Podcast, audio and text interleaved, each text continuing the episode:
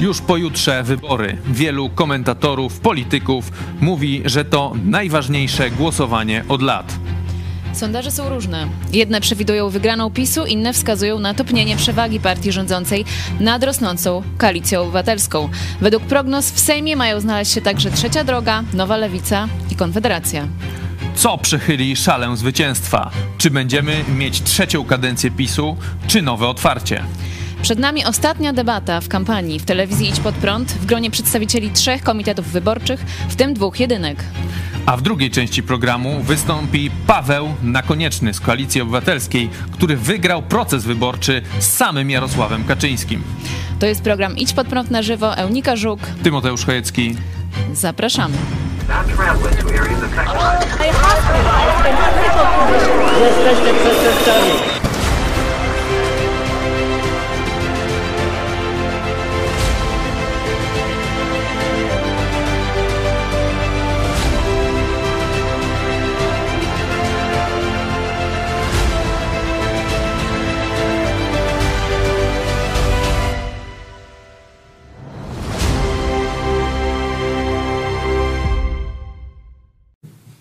Witamy Państwa bardzo serdecznie, a z nami w studio Pani Sylwia Buźniak, e, kandydatka Nowej Lewicy do Sejmu z okręgu siódmego, pozycja 1. Witamy serdecznie. Dzień dobry, witam Państwa serdecznie. A także jest z nami pan Piotr Rzetelski, kandydat trzeciej drogi do Sejmu w okręgu szóstym, pozycja numer 10. Witamy pana bardzo serdecznie. Witam bardzo serdecznie, witam. Witamy Dzień dobry. Państwu. Będzie z nami również e, poseł Marta e, Wcisło, kandydatka Koalicji Obywatelskiej e, z okręgu szóstego, pozycja numer jeden, ale mm, jeszcze do nas dojeżdża. Mam nadzieję, że, że za chwilę spotkamy się w, w takim gronie. Oczywiście zapraszaliśmy kandydatów ze wszystkich komitetów, ale e, mm, nie wszyscy przyjęli nasze zaproszenie. Można powiedzieć ich strata. No, standardowo z PiSu nie przyjęli, z Konfederacji też. Y, Mamy też y, dla was sondę. Kto wygra według was wybory? Macie jeden PiS, dwa opozycja, trzy nie wiem. Głosujcie. Zobaczymy, podamy wasze wyniki zaraz pod koniec naszego dzisiejszej debaty.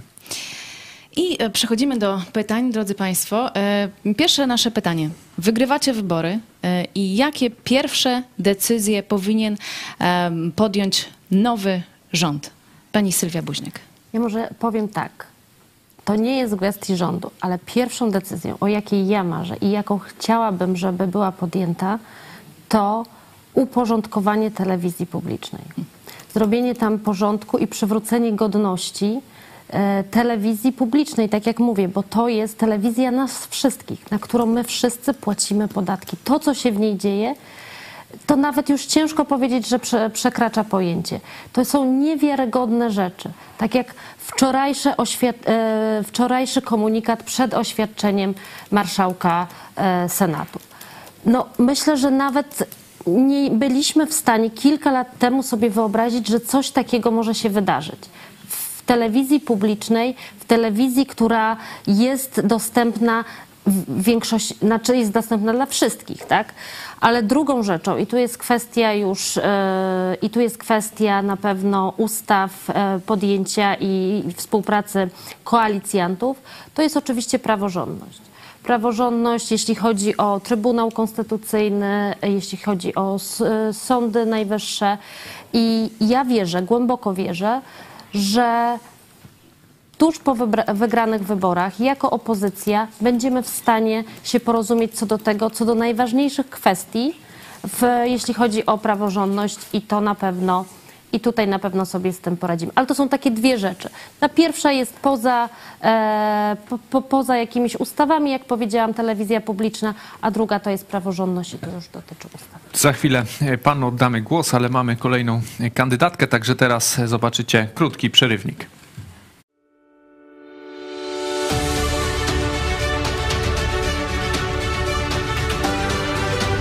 Codzienna dawka najciekawszych informacji bez tematów tabu. Od poniedziałku do piątku o 13 na żywo jesteśmy tutaj dla Ciebie. miło, szczerze mówiąc.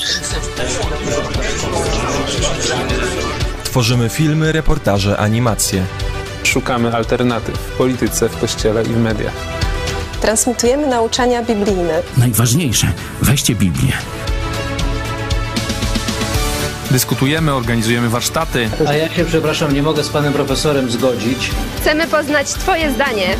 Zapraszamy na programy psychologiczne, medyczne, A także edukacyjne i rodzinne. Serwis informacyjny Idź Pod Prąd. Najważniejsze newsy z Polski i świata. Bez ściemy, bez lania wody.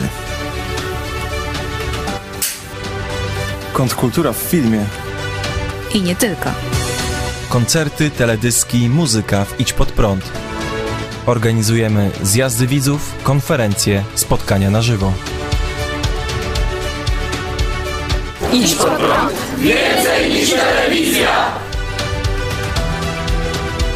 Zobacz, a nie pożałujesz. A z nami jest już również e, poseł Marta Wcisło, kandydata, kandydatka Koalicji Obywatelskiej, okręg szósty, pozycja numer jeden. Witamy serdecznie. Witam Państwa, witam całą redakcję. Dzień dobry i powtarzamy pytanie. Powtarzamy pytanie. E, Pierwsze, jaka powinna być pierwsza decyzja rządu po przejęciu władzy? Pan Piotr Rzetelski. Bardzo się cieszę, że Państwo powtarzacie pytanie i to robicie krócej niż telewizja państwowa, bo niestety pytania tam były dłuższe niż limit na odpowiedzi. My mamy troszkę tutaj większy komfort. E, Proszę Państwa, myślę, że jest tak wiele zagadnień i tak wiele do uporządkowania, bo obecni, obecnie rządzący y, zastanawiali się nocami, co tu jeszcze zepsuć i po kolei zmieniali, zmieniali prawo, jeśli chodzi w każdej jednej dziedzinie. Y, No, wiadomo jak to było. No, w, nocy, w nocy projekt, rano y, uchwała czy ustawa i już to szło.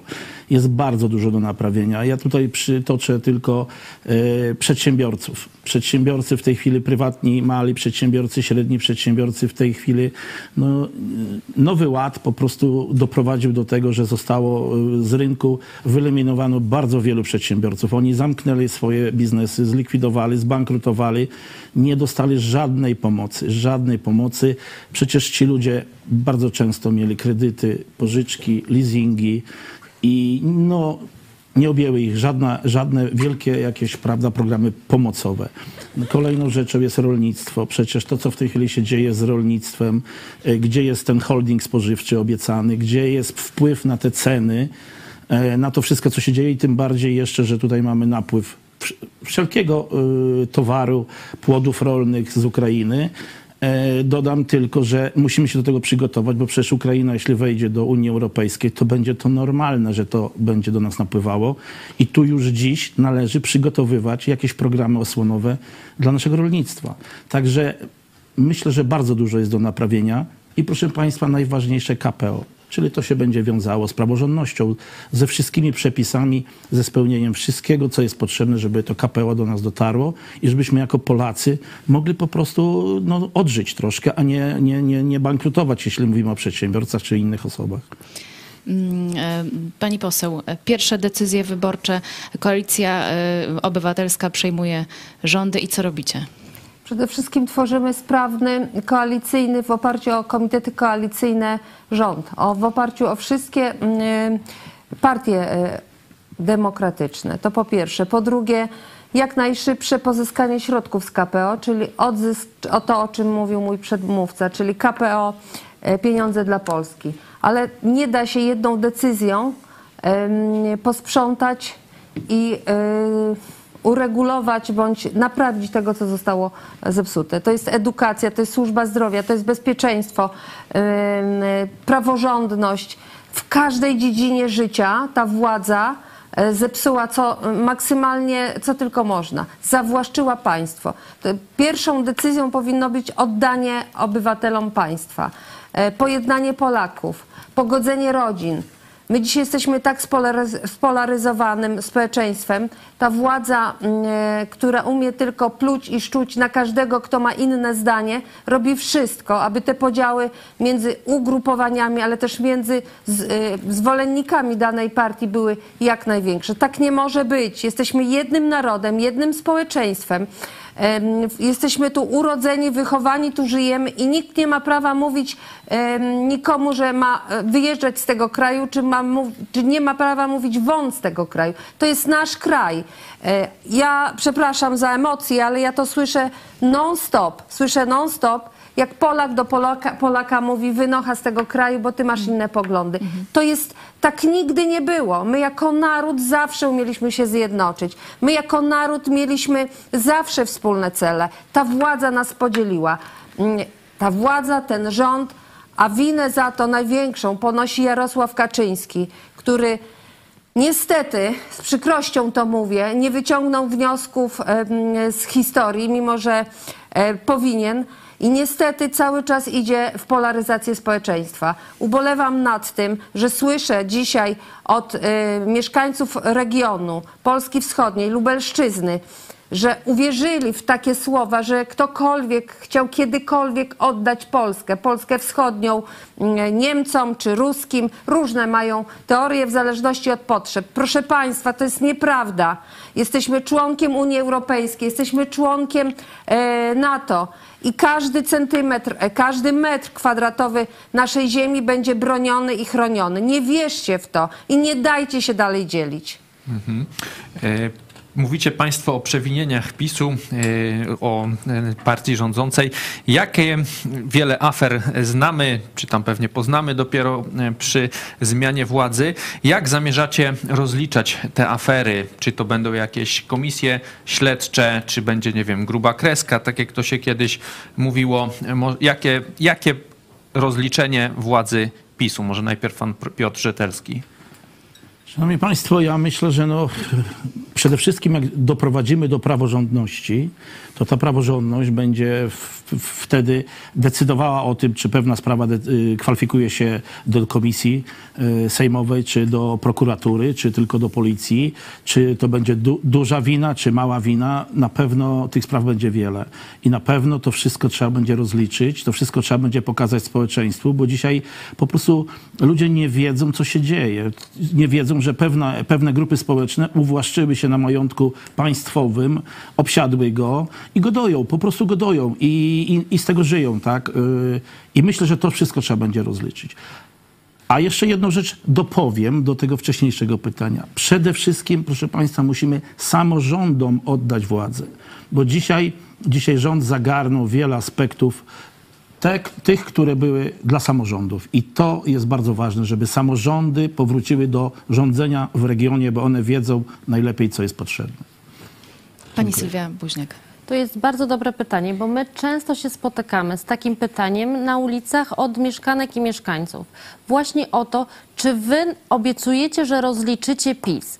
I obiecujemy, rozliczymy PiS, rozliczymy za wszystkie ich przewinienia, za każde złodziejstwo, za NCBR, za Wille Plus.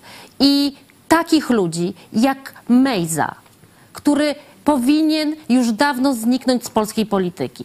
Nie możemy pozwolić, bo polska polityka już naprawdę, oczywiście przez PiS, osiągnęła e, dno. I my musimy to naprawić. I tak jak obiecujemy i mówimy e, na- spotkaniach, na w, w czasie rozmów na ulicach, targach, bazarach, że dopilnujemy tego, żeby ta władza pisowska została rozliczona i tak będzie. I to jest nasze zobowiązanie wspólne opozycji. Nie zabraknie nam głosów, nikt się nie zatrzaśnie w toalecie. Ta władza zostanie rozliczona za każde złodziejstwo, za każdą obrazę każdego ob- obywatela i obywatelki. I to możemy Wam obiecać. Pani poseł Marta Wcisło, jak e, zamierzacie rozliczyć e, Prawo i Sprawiedliwość, jeżeli zamierzacie? Wyroki i so, będą wydawać sądy. My nie będziemy prowadzić wendetty, ale będziemy kierować sprawy do, do sądów, do organów państwa. Nie może być tak, szanowni państwo, że do dziś nie zostały rozliczone pieniądze 70 milionów za wybory kopertowe, za Wille Plus, za respiratory. Do dziś nie mamy listy firm, które zarobiły na zbożu. Do dziś nie wiemy, kto naprawdę zarobił na aferze maseczkowej. Tego jest tak dużo, e, że trudno nawet mi dzisiaj wymienić. Z każdego dnia pojawia się jakiś niepokojący mm, komunikat, który mówi o aferach. Oni na wszystkim zarabiali, szanowni państwo. Jak była pandemia, afera e, e, respiratorowa. Jak mm, jest wojna na e, Ukrainie, afera zbożowa. Mam teraz straszą uchodźcami, afera mm, wizowa. Na wszystkim zarabiają. Nawet w kontekście tego, że asystent ministra Wawrzyka został złapany na tym, jak odbierał 160 tysięcy łapówki przez służby, to oni mówią, że to prowokacja. Brak słów. Oczywiście, że będą rozliczeni, bo jeżeli my ich nie rozliczymy, to państwo nas rozliczą. Ale my się e, absolutnie nie zatrzymamy tylko na rozliczeniach. Będziemy, mm, e, będziemy kierować dopóty, dopóki będzie, be, sądy będą nadążać na, e, nad tym, aby sądzić wszystkich, którzy zawinili, wszystkich, którzy się uwłaszczyli na majątku państwa, wszystkim, wszystkich, którzy brali udział w tym, aby aparat państwa działał na rzecz e, partii rządzącej, a nie na rzecz obywateli, bo aparat państwa powinien stać na straży praw e, obywateli. Tymczasem został całkowicie podporządkowany partii rządzącej w każdej dziedzinie.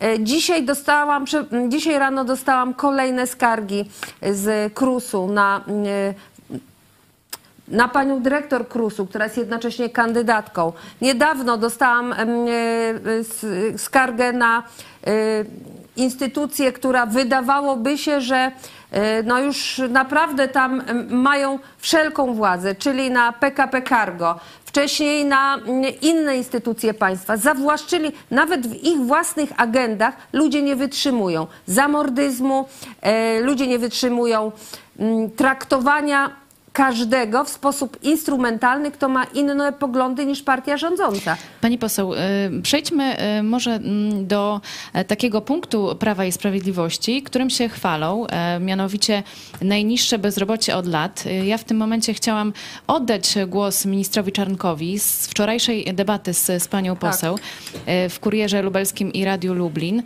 i pokażmy, jak, jak argumentował minister Czarnek właśnie to niskie bezrobocie i dobrą kondycję polskiej gospodarki i poproszę państwa o odniesienie się do tego argumentu. Pani poseł, a byłaby Pani łaskawa przytoczyć bezrobocie w powiecie chrubieszowskim w 2012 roku, 2013 roku za czasów Tuska, albo w powiecie krasnostawskim? A byłaby Pani w stanie przytoczyć bezrobocie w mieście Lublin w 2012-2013 roku, wówczas, kiedy średnia krajowa była 14,4%? Otóż to bezrobocie było dwukrotnie większe. Było dwukrotnie więcej, a nawet trzykrotnie większe, a nawet trzykrotnie większe. Brak Trzykrotnie więcej bezrobotnych. Pewnie, że Pani podaje dzisiejsze dane. Na całość składa się to na 5% w skali całego kraju. To jest najniższe bezrobocie w historii tego państwa. Te wszystkie powiaty, które pani przytoczyła, miały bezrobocie dwu czy trzykrotnie wyższe, dwu albo trzykrotnie wyższe. Ale jesteśmy tu i Czasem- teraz, czasem 2023 Platformy Obywatelskiej. rok. Dlatego spadło ono radykalnie. Wiecie państwo, dlaczego spadło radykalnie? Dlatego, że gospodarka w Polsce rozwija się bardzo szybko. No właśnie, e, to jest argument Prawa i Sprawiedliwości. Jakby, jakbyście Państwo się odnieśli, czy to niskie bezrobocie to jest zasługa Prawa i Sprawiedliwości, czy może jakiś inny mechanizm Oczywiście, tutaj? że nie. Bo Ja? Proszę Oczywiście, bardzo. że nie. Bezro... Niskie bezro... bezrobocie to zasługa przedsiębiorców. To zasługa e, mikro, małych i średnich firm, firm rodzinnych. Mimo, że dw- 200 tysięcy firm rodzinnych niestety mm, musiało się zamknąć. Mimo, że 120 tysięcy gospodarstw rolnych e, niestety mm, padło. Ale niskie bezrobocie to jest średnia wyciągnięta e, z całej Polski i niskie bezrobocie to jest przede wszystkim stopa e, zatrudnienia w dużych miastach. Zatrudnienie w Lublinie to jest na poziomie, no, przepraszam, bezrobocie w Lublinie to jest, jest na poziomie 4,4%. Natomiast w powiecie chrubieszowskim ponad 14, krasnostawskim ponad e, blisko 15, włodawskim blisko 15%. Tam, gdzie rządzi PiS, tam jest największe bezrobocie. Ale, mm, szanowni państwo, my jako województwo lubelskie jesteśmy najbiedniejszym regionem, ja o tym mówiłam, w Unii Europejskiej. I z tego regionu ta władza mm, transferuje gotówkę. Myślę tutaj o puławskich azotach. Puławskie azoty, k- którym obiecywali 4 lata temu i 8, lata, 8 lat temu, że będą tak dbali o naszą perłę Lubelszczyzny, utrzymują inne zakłady. Tylko za znak towarowy, czyli tą, tą y, granatową jaskółkę, azoty puławskie zapłaciły w ubiegłym roku ponad 30 mil, 34 miliony. E, Więc tak dbają o, o gospodarkę Polski Wschodniej. E, Pani Sylwia Buźniak, e, bezrobocie w Polsce no jednak jest najniższe od lat. Jak, jak to wytłumaczyć? Ja nie mogę zrozumieć, dlaczego PiS po ośmiu latach rządzenia jedyne, co potrafi powiedzieć, to jest, bo osiem lat temu to było tak. Ja przypominam, osiem lat rządzicie, osiem lat mieliście, macie nas e, zmianę.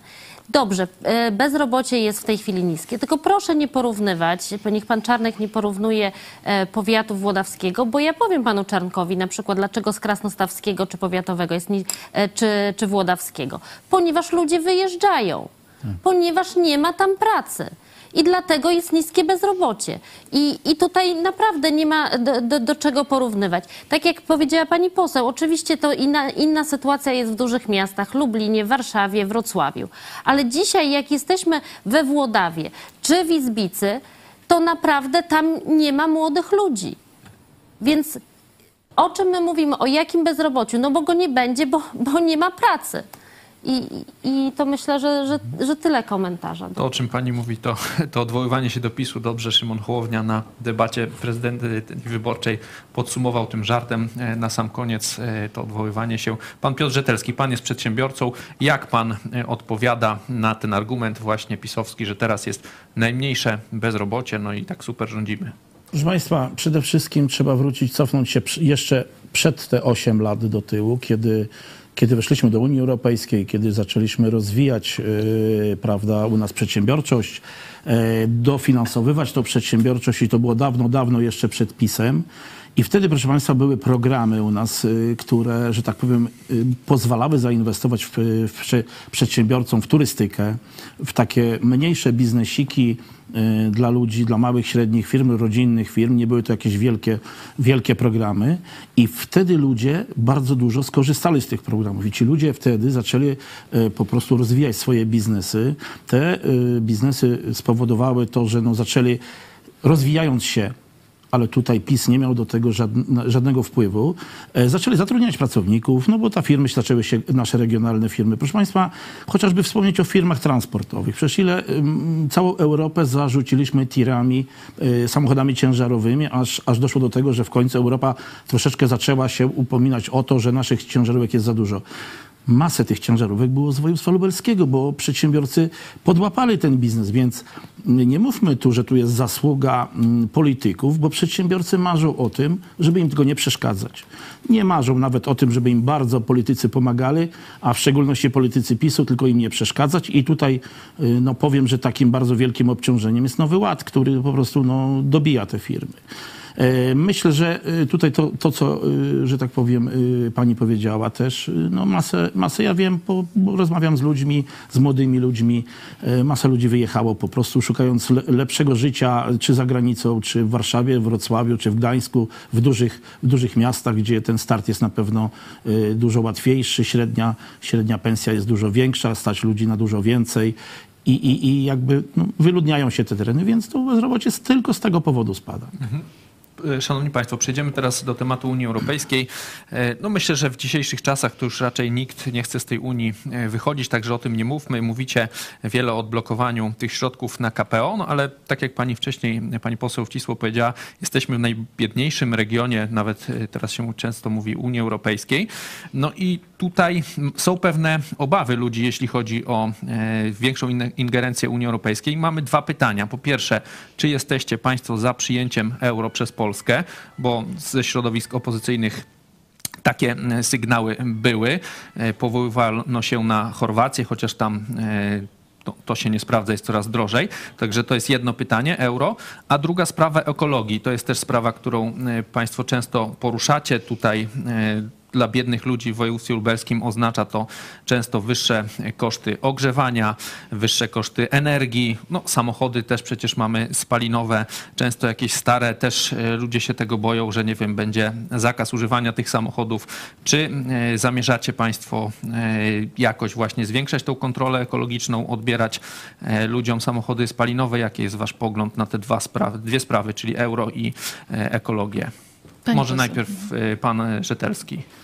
E, Co do ekologii, proszę Państwa, e, ekologia powinna być, oczywiście jest to nasz priorytet, powinniśmy o nią dbać, o środowisko, e, powinniśmy robić wszystko, żeby efekt cieplarniany się nie posuwał do przodu, zatrzymał albo cofał, żeby, żebyśmy mogli, robimy to dla naszych dzieci, wnuków, żebyśmy mogli normalnie żyć w czystym kraju, ale muszą to robić wszyscy. To nie jest tylko Unii Europejskiej sprawa, tylko całego świata. I teraz, jeżeli uda się doprowadzić do tego, że cały świat będzie dbał o ekologię, o środowisko, że bo ja nie wyobrażam sobie, jak można zakazać y, silników spalinowych y, za tam 10 lat czy, czy 12 y, i, uw- i, i, i- i nie produkować y, i, skazać ludzi na samochody elektryczne, które już dzisiaj widzimy, że no nie spełniły się, nie są do końca technologicznie tak dopracowane, że brakuje materiałów na ogniwa, na te akumulatory, że nie jest to takie wszystko proste. Y, Ciężko jest transportować te samochody, y, często się palą, więc y, nie wyobrażam sobie, jak to jest możliwe ludziom nakazać, zakazać. Oczywiście edukować ich, pokazywać, co trzeba zrobić, żebyśmy żyli w środowisku, e, że tak powiem, czystym. I myślę, że tutaj nie samochody i pojazdy elektryczne, a bardziej y, napędzane wodorem, to będzie jakaś tam przyszłość. A euro? Czy innymi paliwami. Natomiast, proszę Państwa, Tutaj, jeśli chodzi o euro, myślę, że mocna złotówka, mocna złotówka jest, y, że tak powiem, na dzień dzisiejszy jakimś tam naszym rozwiązaniem, która pozwoli nam w sposób naturalny regulować y, pewne y, gospodarcze y, mechanizmy w tym kraju. Jeżeli poczujemy się mocni, silni, bogaci, na, nasza złotówka nie będzie sztucznie musiała być utrzymywana, tylko będzie to wynikało normalnie z ekonomii, myślę, że przyjdzie czas na euro. Dziękujemy. Pani Sylwia Buźniak. Pan powiedział, że o Unii Europejskiej e, nie będziemy mówić, ale ja mam duże wątpliwości co, co do kwestii pewności naszej w Unii przy, e, przy władzy PiSu, a szczególnie, nie daj Boże, przy władzy Konfederacji, bo panowie mówią wprost, że wyjście z Unii jest możliwe. Oni dzisiaj oczywiście e, w czasie kampanii wy, wycofują się ze wszystkiego, co powiedzieli, ale to był żart, to, to tak nie powiedziałem, e, to kolega, a kolegi nie znam. To, to, to oczywiście ich e, stała narracja. Wygasł. Natomiast nasza obecność w Unii Europejskiej jest gwarancją wszystkiego. Naszego bezpieczeństwa, bezpieczeństwa militarnego, bezpieczeństwa socjalnego, bezpieczeństwa ekonomicznego. To jest nasza gwarancja. E, I, i to jest jakby pierwsza rzecz. Jeśli chodzi o, o euro, my zobowiązaliśmy się, przypominam, w traktatach unijnych do przyjęcia euro. I jesteśmy do tego zobowiązani jako Polska i musimy do tego dążyć. Czy to będzie w tej chwili? Ta władza nie zrobiła przez 8 lat nic, żeby chociażby umożliwić nam jakieś kierunki e, do tego, żebyśmy weszli do strefy euro. Teraz jeśli chodzi o, o, o, ekologię, e, pan, pan redaktor wspomniał o samochodach e, elektrycznych. On, to, ten temat wy, wywołał dużą burzę, także taką medialną też. Mm, Samochody elektryczne tak, ale one w tej chwili nie mają żadnej przestrzeni do funkcjonowania u nas, bo po pierwsze, te samochody są niedostępne dla przeciętnego Kowalskiego. Taki samochód elektryczny kosztuje około 150 tysięcy. Nawet jak ktoś ma ten samochód, to nie mamy e, strefy mm, tankowania ich. To y, mamy kil, kilka, kilkanaście, kilkadzie- kilkaset takich stacji e, do ładowania samochodów elektrycznych, więc e, no to kółko się troszkę z- zapętla. Nie ma, e, nie ma samochodów elektrycznych, bo nie ma, e, bo nie ma sieci ładowania. E, Nie ma sieci ładowania, więc nie ma samochodów elektrycznych, więc powinniśmy to rozwijać. Przypominam, że pan premier Morawiecki obiecywał e, elektryczne samochody i tak jak obiecywał mieszkania, e, tak samochodów ani mieszkań nie ma. Te, program Mieszkanie Plus zamknięty, temat samochodów e, elektrycznych też zamknięty i pogrzebany. E, To wszystko jest do zrobienia, tylko to trzeba umiejętnie wprowadzić. To muszą wprowadzać ludzie kompetentni, a nie koledzy i koleżki poprzez zakładanie kolejnych spółek, fundacji i, i tylko żerowanie na, e, na stołkach. I pani poseł Marta Wcisła. Polska nie jest gotowa, szanowni państwo, na wejście do strefy euro. Ręczne sterowanie ba bankiem centralnym przez pana Glapińskiego spowodowało osłabienie złotówki do tego stopnia, że przejście czy mm, wejście do strefy euro absolutnie e, w tym momencie i w najbliższych latach niestety jest niemożliwe. Niestety mówię, ponieważ mm, e, tak jak powiedziała moja prze- poprzedniczka, zdeklarowaliśmy się do tego, że odpowiednim momencie wejdziemy do strefy euro. E, Nigdy nie było tak, aby prezes Banku Narodowego, który powinien dbać o stabilność naszej waluty,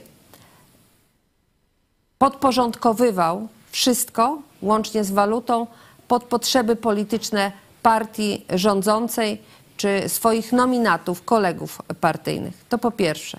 Jeśli chodzi o mm, kwestię związaną e, z ekologią, to nikt e, więcej złego nie zrobił dla ekologii dla mm, e, klimatu od partii rządzącej od PiSu. W 2016 roku zaorali politykę wiatrową, czyli ustawą wiatrakową, tak zwaną 10H. Dziś mm, mamy najdroższy prąd w Polsce, mamy, brakuje tego prądu i my dziś, szanowni państwo, zresztą i wcześniej, kupywaliśmy prąd od Niemiec, Słowacji, od pa- państw skandynawskich. Skandynawskich. Już w 2019 roku kupiliśmy najwięcej w historii prądu. Skąd? Z, niebie, z Niemiec. Około 11 mm, tysięcy yy, terawatogodzin, tak, tak się nazywa ta jednostka. I tego prądu będzie brakować. Zrównoważona polityka energetyczna, czyli oparta o stałe źródła energii, o e- energię odnawialną, to gwarancja po pierwsze taniej, mm, taniego ogrze- ogrzewania, poprawienia mm, czystego powietrza, e, ale także lepszego komfortu życia. W zakresie samochodów elektrycznych to muszę Państwu powiedzieć, że większej ściemy e, od tego, co robi PiS i Mateusz Morawiecki nie widziałam. Pojechał do Unii Europejskiej, podpisał się pod kamieniami milowy, wy- milowymi, które sam przygotował, właściwie jego rząd, po czym przyjechał do Polski i powiedział, że, że, że to nieprawda. Jeśli Państwo chcecie, e, abyśmy żyli w normalnym, ekologicznym kraju, aby mm, w Polsce każdy decydował o, o tym, jakim samochodem ma jeździć, czym ma ogrzewać swój dom i w jakich warunkach ma żyć, to naprawdę tej władzy trzeba powiedzieć dość. E, Dziękujemy. I ostatnie e, jeszcze pytanie, póki pani Sylwia nas nie opuści. Wczoraj e, konwencja Nowej Lewicy w Lublinie mm, i tam też podnosiliście ten postulat rozdziału Kościoła od państwa. I tu pytanie, mm, rozmawialiśmy z, wczoraj z mm, Joanną Szojring-Wielgus, mówiła, że jeżeli będzie to konieczne, to planujecie, jeżeli obejmiecie rząd, renegocjację konkordatu. Czy to jest y, powszechny, oficjalny postulat y, Nowej Lewicy? Przede wszystkim tak, wracając do wczorajszej konwencji, to, to była duża konwencja, która, na której było widać energię i naprawdę na Lubelszczyźnie widać wiatr zmian. Ludzie uwierzyli, że opozycja może wygrać. I to się czuje nie tylko na konwencjach, ale to się przede wszystkim czuje na ulicach, bazarach, targach, bo ludzie wprost mówią: odsuńcie wreszcie PiS od władzy. Jeśli chodzi o pytanie, które, e, o, o które pani pytała, o konkordat, my oczywiście od początku i zawsze jako lewica podkreślaliśmy, rozdział Kościoła od państwa jest dla nas jednym z ważniejszych priorytetów. E, I tak jak, e, tak jak obiecaliśmy, będziemy do tego dążyć. To jest trudne oczywiście. e, Jeśli chodzi o Concorda, to, to, to jest zupełnie inny temat i pewnie, pewnie tr- trudniejszy. Natomiast jeśli chodzi o rozdział Kościoła od państwa, religia, re, miejsce religii jest w salkach katechetycznych, a nie w szkole. I to są też tematy, o które nas pytają wyborcy i o których mówią. I pytają, czy jeśli będziemy współrządzić, to czy dopilnujemy tego tematu. My jako lewica jesteśmy wiarygodni w tym, co mówimy. I wierzę, że to się po wyborach zadzieje. To są jedne z naszych ważniejszych postulatów jako lewicy. Dziękuję serdecznie. Pani Sylwio, dziękujemy za Pani czas. Była z nami Sylwia Buźniak, e, kandydatka Nowej Lewicy, okręg e, siódmy, pozycja jeden. Teraz prosimy, e, jak nas chciałam wesprze... życzyć pani Sylwii wszystkiego dobrego i Ja powodzenia, również. jak najlepszego wyniku. Ja również, bardzo dziękuję. Również dziękujemy i teraz jak nas wesprzeć, bo telewizja Idź Pod Prąd utrzymuje się z waszych dobrowolnych datków, a nie tak jak TVP z podatków. Także jak nas wesprzeć i wracamy do tematu jeszcze rozdziału Kościoła od państwa. Dziękuję. Jeśli chcesz, by niezależne od dotacji rządu dziennikarstwo przetrwało i rozwijało się w Polsce, poświęć dosłownie kilka minut na wsparcie telewizji Idź Pod Prąd. Nasza telewizja utrzymuje się dzięki comiesięcznemu wsparciu widzów. Jeśli uważasz, że rzetelnie spełniamy swój dziennikarski obowiązek, codziennie zapewniając Ci informacje, komentarze, analizy, a także sporą dawkę humoru, zachęcamy Cię do wsparcia naszej telewizji. Jak to zrobić? Wejdź na stronę idźpodprąd.pl wsparcie. Wybierz cel wpłaty. Możesz jej dokonać przez DotPay, PayPal, Blik lub tradycyjnym przelewem z tytułem darowizna.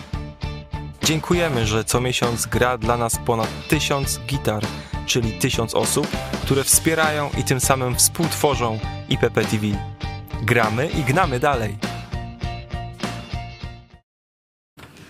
Wracamy do sprawy Kościoła katolickiego i jego powiązań e, z państwem e, polskim, e, z rządem. Beata Kępa z suwerennej Polski pod koniec tamtego roku chwaliła się na Twitterze, że za czasów rządów Zjednoczonej Prawicy jest prowadzonych prawie 2,5 tysiąca spraw o obrazę uczuć religijnych. Między innymi redaktor naczelny, pastor naszego Kościoła został skazany właśnie za krytykę prezydenta Dudy i krytykę dogmatów Kościoła katolickiego z tego paragrafu. Chodzi o paragraf 190 66 o obrazie uczuć religijnych. Czy w obecnej formie powinien ten paragraf zostać zmieniony? Co powinno zostać zmienione w stosunku Kościoła Państwa do Kościoła katolickiego? Na początku e, pan Piotr Szetelski. Szanowni Państwo, ja wychowałem się jako, jako katolik i ja marzyłem o tym, żeby religia była w szkole, gdzie gdzieś tam w jakimś domku, w jakiejś budce, w jakimś tam u sąsiada, gdzieś tam koło szkoły ta religia się odbywała i my wtedy walczyliśmy o to, żeby ta religia do szkoły dotarła i w szkole była. Później y, ci, co po mnie chodzili do szkoły podstawowej, już tą religię mieli w szkole. E, wszystko musi mieć jakiś sens, ale jakiś umiar. I tutaj to, co zrobiono y, w tej chwili y, z Kościołem katolickim, y, to wszystko, jak, jak ten Kościół się zachowuje, jak działa, to jest wielka szkoda dla tego Kościoła. Bo dzisiaj po prostu to nie może tak być, że dziecko jest zmuszane, że jest, nie wiem, prześladowane dlatego, że nie chodzi na religię, że coś, coś jest nie tak to musi wynikać z chęci naszej, z tego, w co my wierzymy yy, i, i, jak, i co my chcemy. I uważam, że mm, połączenie takie y, PiSu z Kościołem, które teraz zostało zrobione na cele polityczne, na cele wyborcze, yy, no ja nie ukrywam, że mm, obracam się w terenach, gdzie 90% albo 90 parę ma poparcia PiS i wiem, jakie znaczenie ma to, co powie tam ksiądz. To jest y, największe, bo y, jeżeli w rolnictwie ludzie chodzili i narzekali, że się nic nie dzieje, piątka dla zwierząt Kaczyńskiego i, i, i, to powodowało, że oni byli załamani, że, że, że nawet wyrażali się, że PiS porzucił to rolnictwo, a dziś oni pójdą i zagłosują mimo wszystko na ten PiS, to znaczy, bo tak powiedział ksiądz. I dzisiaj musimy po prostu y, odróżnić to, co jest w konkordacie, to, co jest zapisane, to, co jest dobre, to, co powinno być, a to, co zrobiono z Kościołem. I uważam, że no, y, tu przyjdzie czas na to, żeby, żeby zrobić, y, no, żeby wszystko wróciło na miejsce, żebyśmy my, po prostu osoby wierzące, mogli w to wierzyć, w co chcemy wierzyć.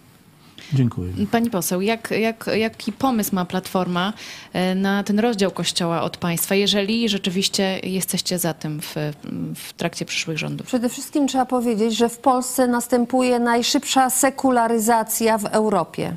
Spada liczba e, wiernych w- i w kościołach, spada liczba dzieci e, ch- chodzących na religię. Ubolewam nad tym, bo jestem częścią tego kościoła, jestem osobą wierzącą i praktykującą.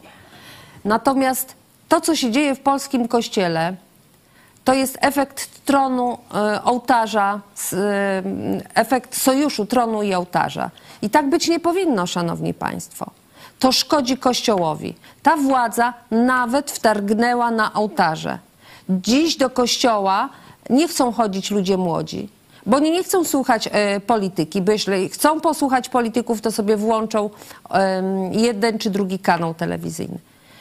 To jest naprawdę e, złe, e, ponieważ po pierwsze żyjemy w państwie świeckim i ten rozdział kościoła od państwa musi być, bo tego oczekują od nas obywatele, bo jesteśmy państwem świeckim. Ubolewam też nad tym, że Kościół dał się tak uwikłać i tak, z, można powiedzieć, wykorzystać instrumentalnie tej władzy. To widzimy e, podczas niemal każdej uroczystości, jaka e, ma miejsce i w naszym regionie, i w Polsce. Każdy e, obywatel, czy wierzący, czy niewierzący, czy innego wyzwania, wyznania, przepraszam, ma prawo do wyboru swojej mm, tak zwanej drogi mm, e, e, religijnej. I nie można niczego narzucać. Jestem absolutnie za rozdziałem państwa od kościoła, bo jesteśmy państwem świeckim. Natomiast ubolewam nad tym, że nawet e, mm, kościół, ta władza potrafiła, nawet kościołowi ta władza potrafiła zaszkodzić. E, Dziękujemy serdecznie i mm, jeszcze chcieliśmy e, Państwa tak osobiście zapytać, e, jakie są Wasze marzenia na Polskę po wyborach jak podsumujecie mm, to, co się działo podczas kampanii wyborczej? Pan Piotr Szytelski. Szanowni Państwo, kampania była brutalna, ciężka. Yy, No niestety spotykaliśmy się bardzo często, zresztą tutaj pani poseł jest, yy, to co jej zrobiono jest przykładem na to, jak po prostu ludzie zostali zmanipulowani, nabuntowani, przekonani, yy, jaka zawiść w tych, w, tych, w tych osobach jest, że jeżeli ktoś myśli inaczej niż oni, no to nie wiem, to ma, tak jak wcześniej było powiedziane, uciekać z tego kraju, wynosić się. On jest Niemcem, on jest, nie wiem, Ruskim, on jest jakimś tam jeszcze innym. Tak jakby, no tylko na tym polegało. Zostały skłócone rodziny. Ja jadę do swojego domu i z moim ojcem nie ma o czym rozmawiać, bo po prostu twierdzi, że oni mu dają.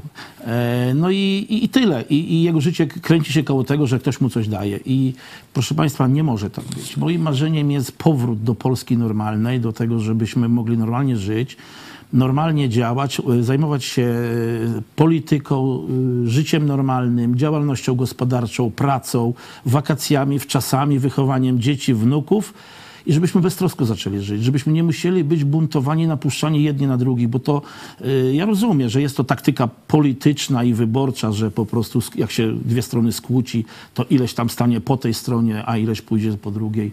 Ale to nie tędy droga. My jako państwo nigdy nie będziemy silni, jeżeli nie będziemy silni wewnętrznie. Y, Nie będziemy po prostu y, jednością. I myśl, moim marzeniem jest doprowadzenie w pierwszej kolejności do tego, żebyśmy się wszyscy pogodzili, wszyscy zaczęli normalnie rozmawiać. Jeżeli mamy inne poglądy polityczne, to je wymienili e, i spróbowali ewentualnie posłuchać tej drugiej strony, co ona ma do powiedzenia, czy ma rację, czy nie ma. To jest moje marzenie.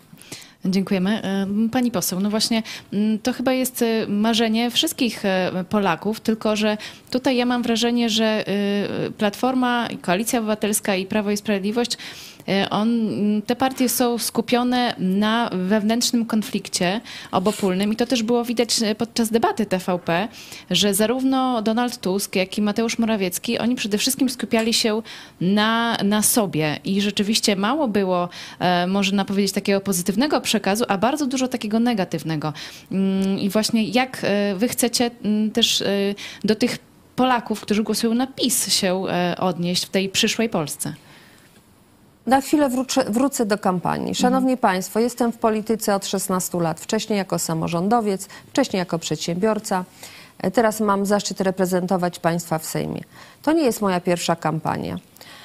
Nigdy, nigdy nie było tak e, agresywnej, tak drapieżnej, tak wulgarnej kampanii jak ta. Ja się nigdy nie spotkałam do tej pory z takimi obelgami, z takimi oszczerstwami, kłamstwami, zarzutami i groźbami, jak w tej kampanii. Ale ja nie widzę, ja nie winię ludzi, którzy mówili do mnie wąt z tego kraju. Ja nie winię ludzi, którzy mówili do mnie e, chcecie e, sprzedać Polskę. Nie widzę nie ludzi, którzy mówili e, Targowica czy wąt do Niemiec czy do mm, Moskwy. Bo ci ludzie niestety zostali obywatele Rzeczpospolitej Polskiej zmanipulowani przez przekaz polityczny, nie, tuby propagandowej, jaką jest niestety TVP i TVP Info. Szanowni Państwo, nie może być w Polsce tak, że mm, wyznawcy jednej partii są Polakami, a każdy, kto ma inne zdanie, jest wrogiem państwa i wrogiem narodu, jest, mm, chce sprzedać kraj. To jest nieprawda. Jesteśmy jednym dumnym narodem. Nie mówię, i to nie jest slogan, bo tak, bo wywalczyliśmy sobie tą wolność, tą demokrację i nie pozwólmy sobie jej dzisiaj odebrać. Pani mówi tutaj mm, o tym, o, tej, y, o tym przekazie dwóch partii. Nie możemy siedzieć cicho i nie reagować na kłamstwa i oszczerstwa. Jeżeli ktoś mówi mi, że chcieliśmy oddać pół Polski, w tym wschodnią Polskę ruskim i wyciąga e, kawałek doku, dokumentu bardzo ważnego, odtajnia piątą część planu obronnego, a pozostałe cztery nie, bo w pozostałych czterech, bo pozostałe cztery zadają kłam tej piątej części, o czym mówił szef sztabu generalnego, generał Cieniu, który tworzył ten e, plan. To co to jest, szanowni państwo? Manipulacja na potrzeby polityczne. Mi się marzy, mi się marzy, po, i, i wierzę w, głęboko, że tak będzie, że 16 e, października obudzimy się w, w innej Polsce. Może nie od razu, ale marzy mi się pojednanie w rodzinach, pojednanie na ulicach.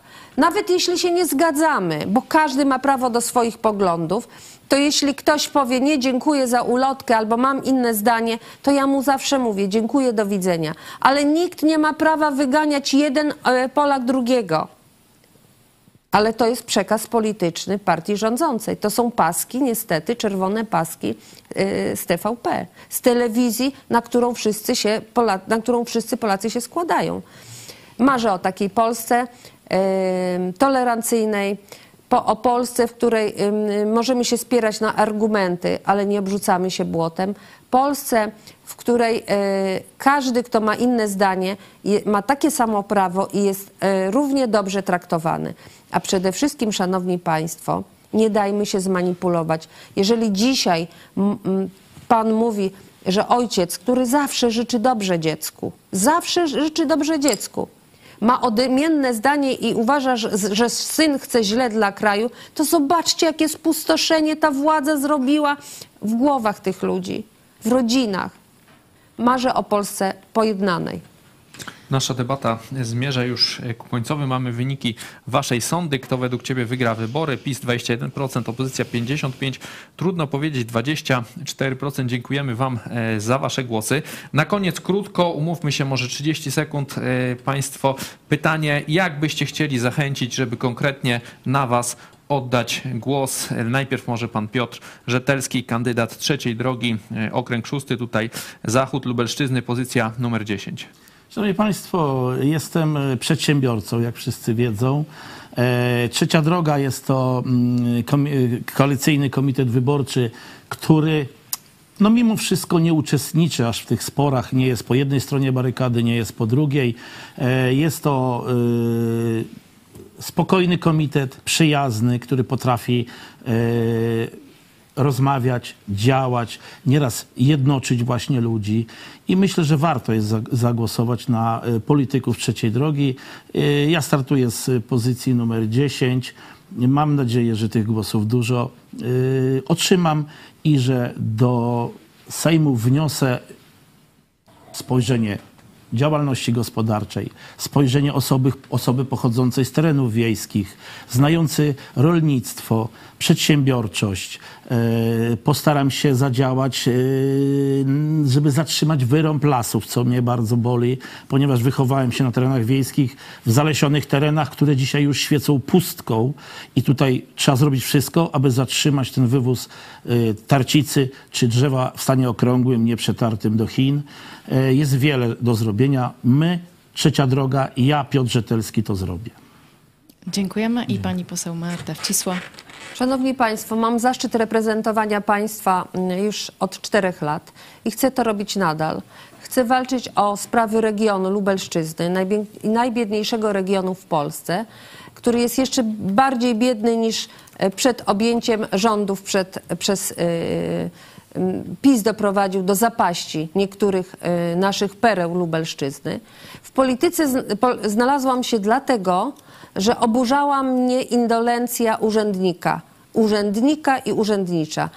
Zostawiłam rodzinną firmę po to, żeby walczyć o e, prawa e, mieszkańców, o prawa przedsiębiorców, a dziś chcę walczyć o prawa państwa w, w kontekście służby zdrowia, edukacji, e, dostępności do usług, przede wszystkim prawa kobiet do bezpłatnych badań prenatalnych, do znieczuleń w trakcie porodów. No przecież my jesteśmy jedynym niemal krajem w Unii Europejskiej, w którym kobieta rodzi praktycznie bez znieczulenia, tylko 14% kobiet jest znieczulanych. Jesteśmy krajem, w którym in vitro nie jest procedowane e, z budżetu państwa. Chcę, abyście Państwo wiedzieli, że zawsze do mnie możecie przyjść, jeśli zostanę posłem. Dziś tak się dzieje. Nigdy nikomu nie odmówiłam spotkania i pomocy, w zakresie oczywiście moich kompetencji. Chcę Państwa nadal re- reprezentować i obiecuję, że nikt e, nie odejdzie z mojego biura e, bez rozmowy, bez chęci pomocy, jeśli będę taką miała. Szanowni Państwo, do Was, do mieszkańców Lubelszczyzny, zależy, e, od Was zależy przyszłość, a także od młodzieży. Zwracam się tu do ludzi młodych. Od, do, od młodzieży przyszłość naszego kraju e, zależy. Zachęcam młodzież, zachęcam kobiety, zachęcam wszystkich Państwa, żebyście poszli na wybory i zagłosowali na Komitet e, Demokratycznej Opozycji. Jest ich e, kilka, a w szczególności proszę o rozważenie mojej kandydatury. Dziękuję. Widzimy się na wyborach. Dziękujemy serdecznie. Byli z nami e, poseł Marta Wcisło, Koalicja Obywatelska. Dziękujemy serdecznie. Dziękuję bardzo. Dziękujemy pan Piotr Rzetelski, e, Trzecia Droga. Dziękujemy również. Dziękuję bardzo serdecznie. Była z nami oczywiście też e, Sylwia Buźniak z Nowej Lewicy. Dziękujemy serdecznie i mam nadzieję, że spotkamy się przy urnach wyborczych. Do tego też Państwa zachęcamy bardzo, bardzo serdecznie. A w drugiej części programu zapraszamy Paweł Nakonieczny, Koalicja Obywatelska, który wygrał proces wyborczy z Jarosławem Kaczyńskim. My się już z Państwem żegnamy, ale tylko na chwilę. Do zobaczenia. Do zobaczenia. Ten klip nagraliśmy w 2019 roku. Pomimo pandemii, od tamtej pory udało się nam zakupić nieruchomość, która jest zapleczem funkcjonowania telewizji Idź Pod Prąd, projektu Mega Kościół oraz Polsko-Ukraińskiego Instytutu Biblijnego, gdzie co miesiąc 100 studentów z Polski i Ukrainy kształci się w systemie zaocznym. Zbudowaliśmy profesjonalne studio telewizyjne, a także scenę, gdzie organizujemy koncerty i przedstawienia teatralne. Stworzyliśmy również pełne zaplecze kulinarne oraz konferencyjne dla Instytutu i innych wydarzeń. Co roku organizujemy obozy letnie projektu Mega Kościół. Udało nam się zbudować zaplecze dla rodzin z dziećmi. Jesteśmy w trakcie tworzenia chrześcijańskiego zespołu muzycznego i mobilnych grup misyjnych. Stworzyliśmy ekipę zgranych i oddanych ludzi, którzy codziennie służą Bogu, by cała Polska usłyszała o Jezusie. Wierzymy, że to wszystko przybliża nas do celu, który postawiliśmy sobie 4 lata temu zbudowania chrześcijańskiego uniwersytetu. Wierzymy, że ciąg dalszy nastąpi.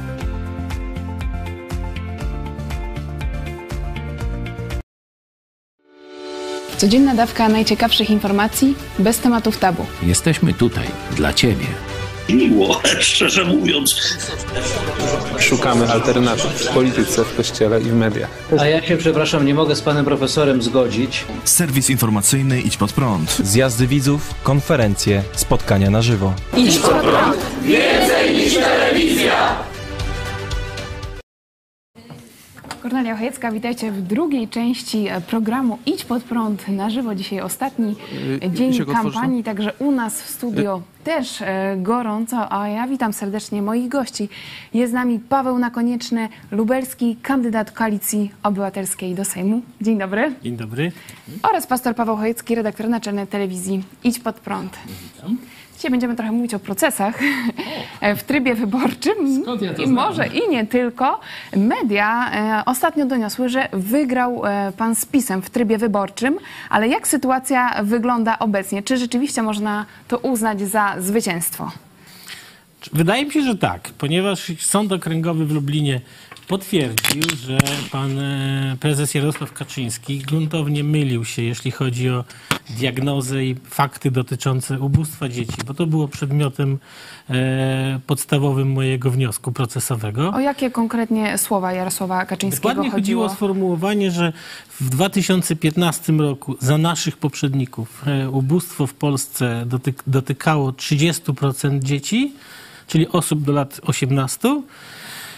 A aktualnie, cokolwiek by to znaczyło, czyli w tej, tej teraźniejszości, czy czasie najbliższym teraźniejszości, że to ubóstwo wynosi 3, a może nawet mniej procent. Tak powiedział Jarosław Tak powiedział Kaczyński. pan Jarosław Zdaje się, to Kaczyński. był wiec w Rzeszowie. Tak, tak. To był fragment tego wiecu. Szczerze powiem, że zwróciłem uwagę na te słowa i wysłuchałem potem całego przekazu, godzinnego prawie. I myślę, że y, zastrzeżeń co do prawdziwości wypowiedzi można by tam, od, czy znalazłbym więcej. Skoncentrowałem się na tym jednym, dlatego że jakby intuicyjnie, a w zasadzie świadomościowo, że tak powiem. Wiedziałem, że to chyba nie może być prawda. Bardzo szybko sprawdziłem te dane ogólnodostępne, nawet do tego stopnia dostępne, że potrafiłem znaleźć wypowiedź pani minister Maląg e, sprzed miesiąca, która mówiła, że tak, ubóstwo spadło i to bardzo dobrze, o 10%. Czyli jeżeli nie było 30, bo było 26 w 15 roku, więc jak odejmiemy od 26 10, to nam wyjdzie nie 3, a 16 i 7 dokładnie. Żelazna e, matematyka i rzeczywiście e, na te dane, które pan się powołał, dane Eurostatu, e, to w 2022 roku prawie 17% dzieci w Polsce jest zagrożonych ubóstwem, a Jarosław Kaczyński powiedział, że 3%, Trzy, także a to, żeby nasi widzowie sobie uświadomili, Tak jaka to jest. jest skala pomyłki, e, powiedzmy. I tak jak e, pan wspomniał, Sąd e, Okręgowy w Lublinie przyznał panu rację i z tego, co czytałam, PiS miało zamieścić na portalu Onet sprostowanie. Czy tak rzeczywiście się stało? Nie, jeszcze się nie stało. Dlaczego? E, no, musimy czekać. PiS ma 48 godzin na to sprostowanie, więc e, zobaczymy, czy, Czy to... w ciszy wyborczej też może tak. się ukazać? Tak, tak, tak. Te, ten obowiązek jest zwolniony z tego z zachowania tej ciszy wyborczej, ten związany z egzekwowaniem wyroków. Ale no, wierzy pan, że Jarosław Kaczyński przeprosi za to kłamstwo? No, wiemy, że to różnie z tym było, że tak zażartuję, nie takie wyroki były uznawane za nieistniejące przez pana prezesa Jarosława, tudzież niestety i, i premiera, i marszałka Sejmu, którzy mają no, na swoim koncie dużo niewyko- niewykonanych wyroków. Najważniejsze, że wyrok jest. A czy Jarosław Kaczyński osobiście stawił się do Sądu Okręgowego w Lublinie? Nie stawił się nikt ze strony Prawa i Sprawiedliwości. Żaden przedstawiciel. Czyli kompletnie zlekceważyli ten. Ale zdaje się, że PiS też ma mo- możliwość odwołania się od tego wyroku. Tak jest. I czy wiadomo, czy, czy się nic nie odwołał? wiadomo. Mhm. Rozumiem. Chciałam zapytać też o takie reakcje medialne. E, Jak, jak to wpłynęło właśnie, kiedy media ogłosiły, że pan wygrał z PiSem w sądzie? No to rzadko się zdarza. E, Tak, jakie były reakcje na to? No bardzo żywe. Muszę powiedzieć, że bardzo mnie nawet zaskoczyły. Ja powiem szczerze, że miałem już doświadczenia trybu wyborczego w wyborach samorządowych sprzed kilku lat i no, odzew na takie wyroki tam bywał, ale na pewno ten, który był teraz, no, przekroczył moje najśmielsze oczekiwania i spodziewania. Mnie chodziło po prostu nie tyle o rozgłos, co o zwrócenie uwagi na to, że w kampanii wyborczej, a przede wszystkim w debacie publicznej nie można kłamać. Nie, nie, po prostu elementarna przyzwoitość osoby, jaką jest polityk, działacza społecznego, wymaga, żeby starać się mówić prawdę. Ja wiem, że można się pomylić.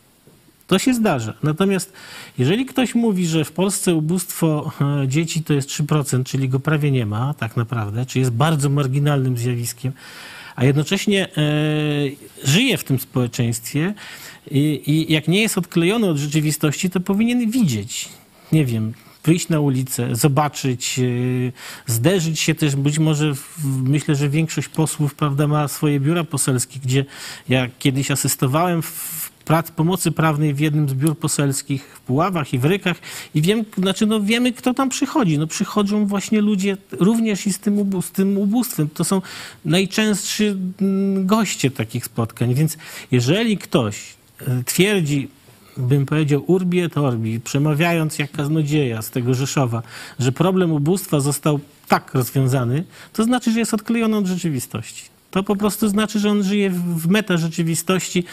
E, Jednocześnie dla mnie było też szokujące to, że jakby o, pan prezes to bezkarnie powtarza w sensie No braku... to nie było pierwszy raz z tego, tak, co pan Tak, nie pierwszy raz, że on to powtarza bezkarnie, rozumiejąc to jako brak reakcji środowiska, z którym jest otoczony. Przecież dookoła niego jest to jedna z tak, jakbym powiedział, najważniejszych osób w państwie, a dla niektórych prawie, że niekoronowany król. Więc dookoła tego majestatu jest mnóstwo ludzi. Tam są przecież ogromne pieniądze związane z kampanią, ze spin doktorami, z analizą tego, co trzeba mówić, co, co można, co nie, co wypada i przede wszystkim jakby powinien być wyposażony w tą wiedzę, co jest prawdą, a co nie. Więc brak reakcji to świadczy moim zdaniem o tym, że po prostu ludzie się boją dookoła niego, że to jest taka klasyka takiego, bym powiedział, tego, tego, tych 10 minut przed upadkiem e, jakiegoś autokraty, prawda? Że on jest tak od, oderwany od rzeczywistości, że już to jego otoczenie boi się mówić, jaka jest prawda, a on po prostu, no, będąc wożonym limuzynami tam z gromadą ochroniarzy, jest na tyle skutecznie chroniony przed kontaktem ze zwykłym człowiekiem i z jego problemami, że to po prostu tego nie wie. No i koniec. Być może, być może on został nawet wprowadzony w błąd i on mm, wierzy, że jest taka kolorowa e, rzeczywistość i że tak już nie ma biedy, no bo 800 plus obiecane, to już samej to tej obietnicy. No już skoro minister z jego rządu mówiła o całkiem innych e, danych. E, Przy okazji zachęcę Was do zadawania pytań, pisania komentarzy. To jest ostatni program Iść pod prąd na żywo przed wyborami, także jest jeszcze jakiś live'ik jeszcze e, wieczorem zrobimy, no coś tam.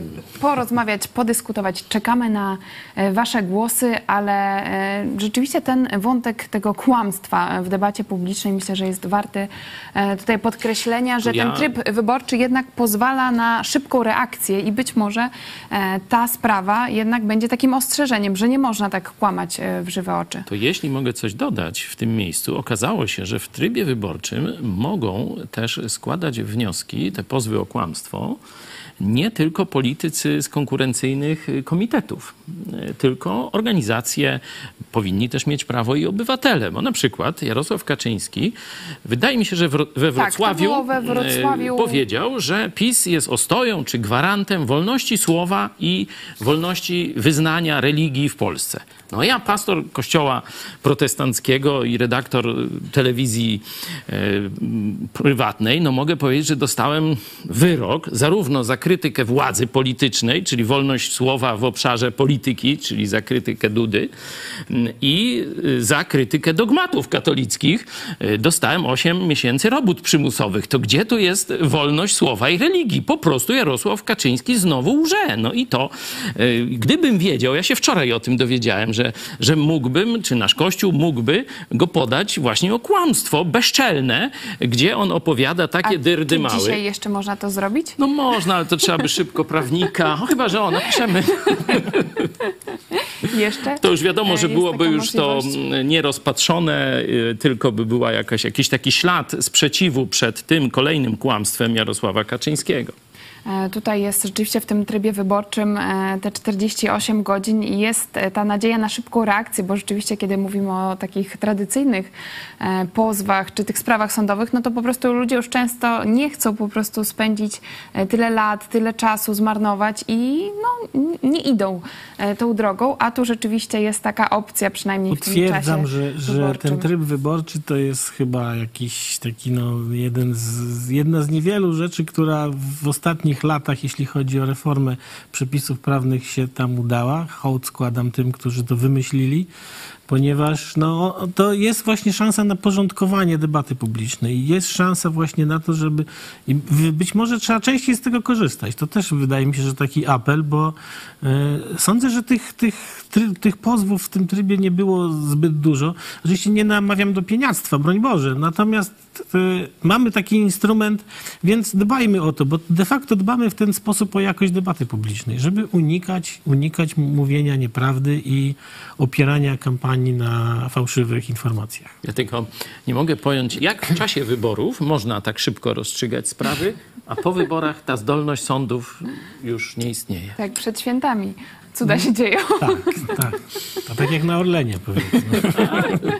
Paliwo jest, ale go nie ma. Takim- Czasem jest awaria, prawda? W takim razie zapytam mm, pana na koniec e, naszej rozmowy. Załóżmy, że opozycja wygrywa, tak?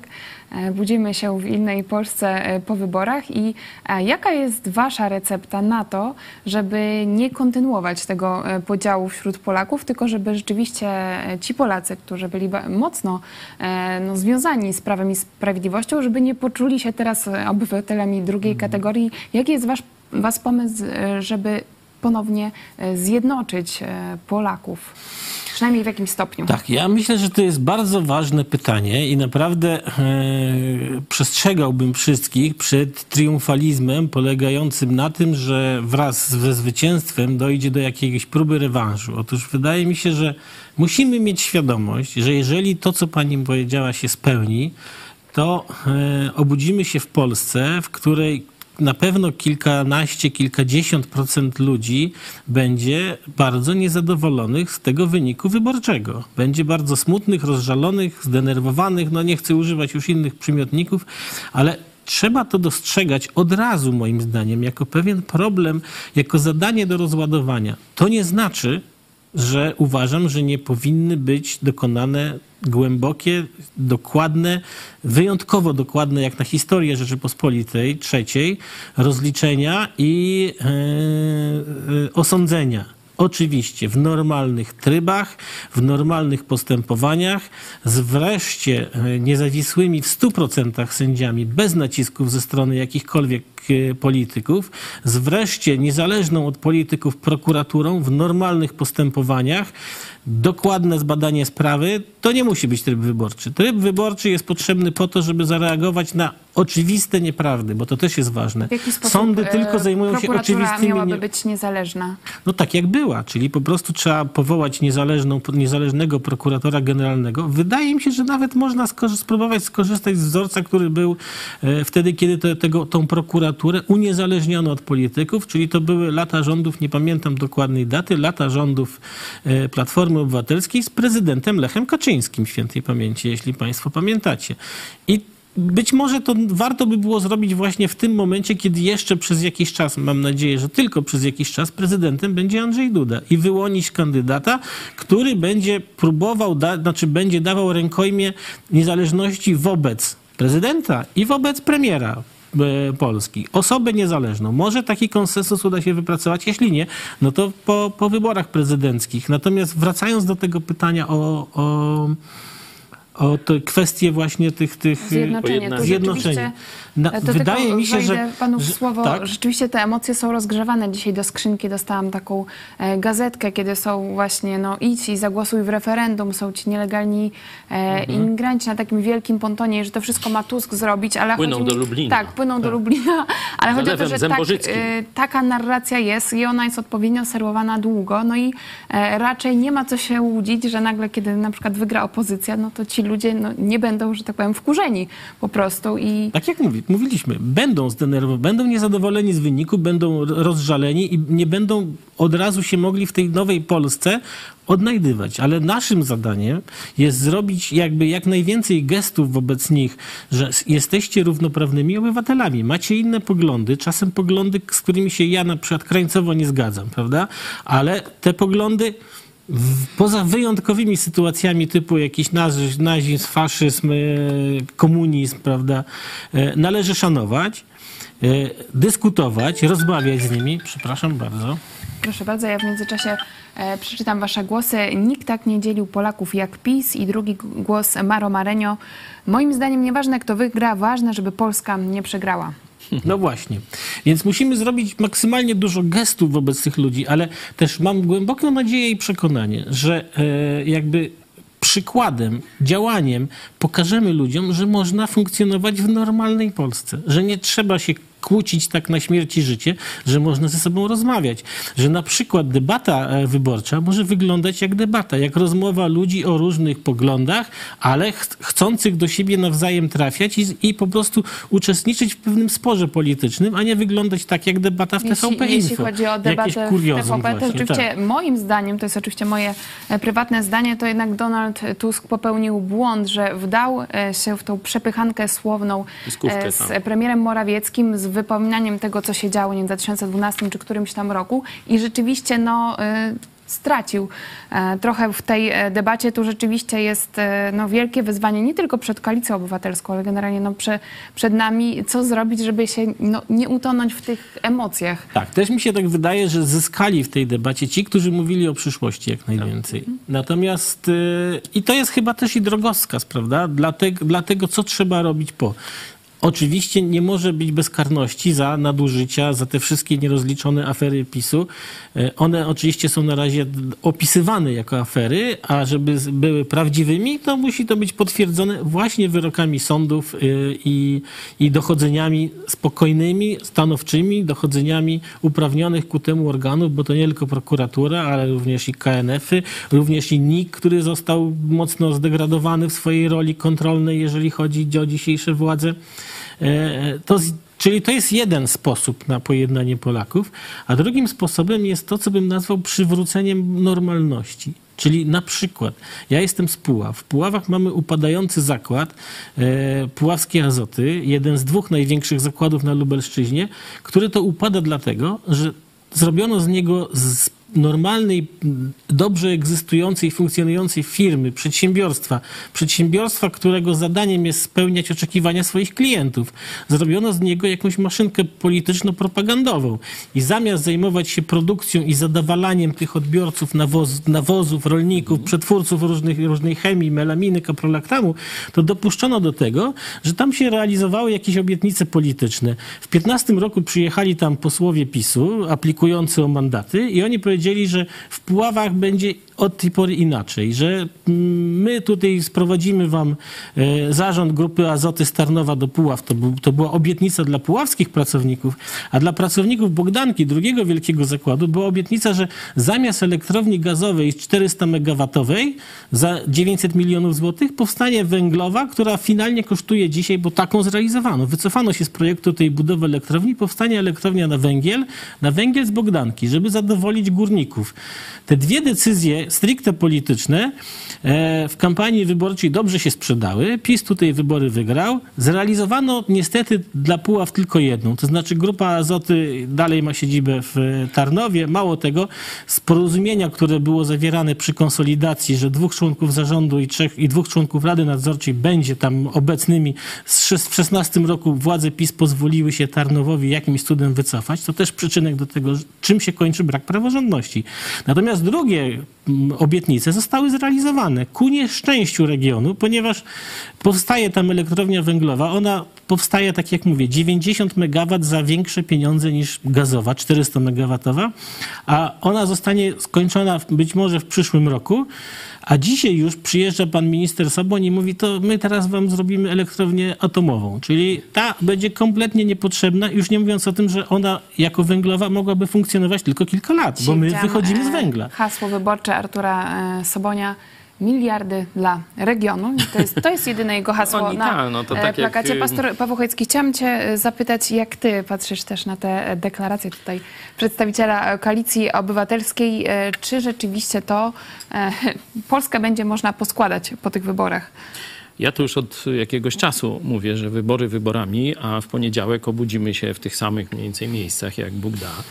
Z tym samym sąsiadem, z tym samym kolegą z pracy, z tą samą panią ekspedientką w sklepie i tak dalej. No i trzeba się uśmiechnąć, powiedzieć dzień dobry, zagadać, nie toczyć jakiejś bezsensownej takiej wojny klanowej PiS-PO. Nie? Także cieszę się, że takie deklaracje tu ze strony e, kandydatów e, Platformy Koalicji Obywatelskiej e, padają, bo to też nie tylko pan mówił, ale też i pani Wcisło przed chwilą w podobnym duchu się wypowiadała. Wczoraj byliśmy na konwencji lewicy, no to też takie było, nie krytykujemy, takie nie główne hasło, mhm. że już, już dobra, tymi rzeczami niech się zajmą prokuratorzy po wyborach, czy Trybunał Stanu dla takich ludzi jak Ziobro, czy, czy inni, którzy nagminnie łamali konstytucję, czy prawa obywatelskie, odbierali wolność słowa, wolność religii, czego ja jestem przykładem.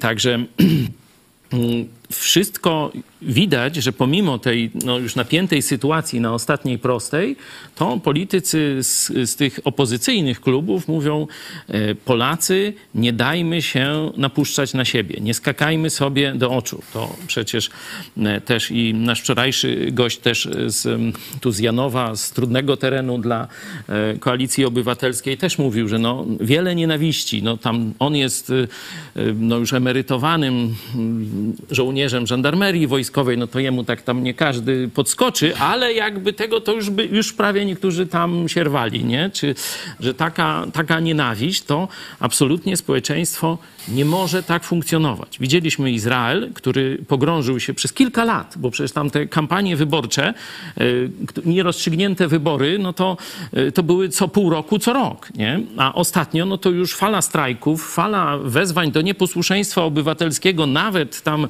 e, służb, wojska i tak dalej. No i zobaczcie, teraz już no, Izrael musi powoływać prawie milionową armię.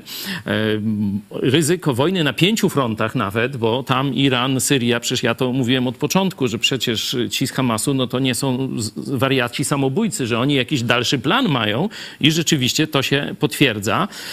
Stąd nawet no, istnienie tak silnego mocarstwa, można powiedzieć, regionalnego, jakim jest niewątpliwie Izrael z bronią atomową i tak dalej, jest teraz kwestionowane. Polska jest dużo słabsza, a podzielona dużo mocniej. Dlatego to, to wezwanie do pojednania, do zakopania tych toporów, do zrozumienia, że pomimo wielkich różnic ideologicznych, politycznych i tak dalej, mamy wspólny interes. Mieszkamy tu razem i musimy razem zadbać o to, co wspólne. Nie da się, ani Platforma sama nie zrobi z Polski fajnego miejsca, ani PiS sam nie zrobi. To pokazał, że nie byli w stanie. Nie? Doprowadzili praktycznie wszystkie e, struktury państwa e, do najniższego poziomu autorytetu i funkcjonowania od, od, od czasu 89 roku. Także e, teraz myślę, że to jest czas na opamiętanie i rzeczywiście widać, że idzie też młode pokolenie. Młode pokolenie już nie rozumie tych sporów, które my jeszcze rozumiemy, a e, chce normalnie żyć. Nie chce już wyjeżdżać, bo też i na zachodzie się pozmieniało, nie jest tak, e, tak fajnie. Chce tu w Polsce, żeby było normalnie. No i to jest nasze zadanie, naszego pokolenia, żeby twojemu pokoleniu i, i pokoleniu wnukom, wnuków przekazać normalną Polskę, a nie jakąś karykaturę chy, chylącą się ku upadkowi. E, I tu rzeczywiście widać, że sami politycy nie wystarczą teraz, szczególnie w tym czasie e, powyborczym. Potrzeba będzie e, ludzi, autorytetów spoza polityki, którzy właśnie będą promować te wartości propolskie i zachęcać właśnie do, do słuchania siebie, a nie napuszczania. Także tutaj też myślę duża rola mediów. I jeszcze jedno, jak mówisz o mediach. Niestety w czasie kampanii wyborczej żaden z polityków PiSu nie skorzystał z naszego zaproszenia, chociaż, chociaż regularnie się. byli zapraszani wielokrotnie wielokrotnie i tak dalej. Chociaż wcześniej część z nich gościła w naszych e, tu progach, e, to w czasie kampanii wyborczej przyjęli właśnie taki, e, taką blokadę i takie nawalanki tylko i tak dalej. No to, żeby było jasne, mimo tego, coście zrobili z Polską, macie zaproszenie. I po wyborach, jeśli będziecie chcieli, mówię do polityków PiSu, zapraszam was do naszych programów, gdzie będziemy dyskutować, jak naprawić Polskę po tym, co zrobiliście. Pewne rzeczy zrobiliście dobrze i to będziemy o tym też mówić. Także my nie zamykamy się, my nie odpowiadamy tak, jak wy to robicie e, w sposób absolutnie mm, jakiś taki niecywilizowany, już nie będę nawet tego opisywał. Macie zaproszenie na po wyborach, które mam nadzieję przegracie i wtedy troszeczkę spokorniejecie. Mogę Ostatnie słowo, proszę tak, bardzo. ostatnie słowo. Otóż, szanowni państwo, padło pytanie o sprostowanie. Ja przed chwilą się dowiedziałem, że sprostowania nie będzie. Dlaczego? Sąd apelacyjny w Lublinie uchylił wyrok Sądu Okręgowego. E, Co prawda, tak jak szybko się tam przeczytałem, uchylił go z powodów proceduralnych, to znaczy, że e, Komitet e, Prawa i Sprawiedliwości miał za krótki czas, żeby odnieść się do zarzutów i, i, i do, do tej rozprawy, która miała się odbyć. De facto się nie odbyła, ponieważ nikt się z Prawa i Sprawiedliwości nie stawił we wtorek o godzinie 15. Czyli, że uchylił wyrok, skierował sprawę do ponownego rozpoznania przez sąd okręgowy. No podejrzewam, że sąd okręgowy e, no na pewno nie, znaczy na pewno jeśli wyda nawet nowy wyrok, to on nie będzie prawomocny, czyli nie, bo, bo będzie zapewne zaskarżony. A e, informacja dodatkowa jest taka. E, dzień wyborów kończy, zamyka wszystkie spory wyborcze. Ten tryb nadzwyczajny, taki przyspieszony, 24-godzinny, 48-godzinny, on dotyczy tylko sytuacji w okresie do dnia wyborów. Wybory się kończą, spory są zamykane. Niemniej jednak ja podtrzymuję swoje stanowisko, że, że to, co pan prezes mówił, polegało na nieprawdzie. To, co przedstawiały dane Eurostatu, niestety polegają na prawdzie. Niestety dla biednych dzieci, nie dla pana prezesa Kaczyńskiego. No zobaczcie, no, niestety ja wyczułem, przykre. bo zapytałem Mhm. pana tu przecież 15 minut temu, czy pan wierzy, że Mhm. oni e, przeproszą, czy Kaczyński osobiście, bo ja oczywiście takiej wiary e, nie miałem. Rzeczywiście schowali się za trikami proceduralnymi. A z czym No. tu się zapoznawać? Są po prostu liczby. Wystarczy porównać dwie tabelki. Niestety, ale, ale na pewno to, co udało się panu zrobić, to nagłośnić sprawę. Wiem, że wczoraj był wywiad e, w TVN-ie, także wielu też Polaków o tym usłyszało i e, miejmy nadzieję, że e, to też będzie wyznacznik e, tej debaty publicznej e, już po wyborach, e, że nie będzie takiego przyzwolenia na kłamstwo i to, co przed chwilą powiedziałeś, że my e, nie kończymy naszej pracy 15 października, a my e, bierzemy się do, myślę, że jeszcze większej, bardziej intensywnej e, pracy. Będziemy też tutaj organizować e, spotkania, e, debaty o Polsce, o tym, jak e, poskładać nasz kraj od nowa. Bardzo dziękuję za rozmowę. Był z nami e, Paweł Nakonieczny Lubelski, kandydat koalicji e, Dziękuję do bardzo. Sejmu, pozycja 12 i e, pastor Paweł Chojecki, redaktor naczelny telewizji Idź Pod Prąd. Dziękuję Ci również. I mam nadzieję, że jeszcze dzisiaj się gdzieś spotkamy, Tak. bo tu ciekawe O tematy. 17 Tu Sekielscy serwis, wyskoczyli, także jeszcze będziemy, mam nadzieję, dzisiaj i w serwisie, i być może w jakich, na mediach społecznościowych jeszcze się spotkamy. Do Śledźcie zobaczenia. nasze, e, nasze profile e, społecznościowe Facebook, Instagram, e, Twitter. Idź pod prąd e, również na YouTubie. Ja tylko przypomnę, że nasza telewizja, telewizja Idź pod prąd utrzymuje się tylko e, i wyłącznie dzięki Waszym e, wpłatom i na każdy miesiąc mamy cel 1000 wpłat. Do tej pory w październiku mamy 330 osób, które wsparły telewizję Idź pod prąd. Zachęcamy Was do tego, jeśli cenicie niezależne media, możecie nas wesprzeć na Patronajcie i na stronie ispodprat.pl wsparcie. E, Kornelia Chojecka, dziękuję za uwagę. Do zobaczenia.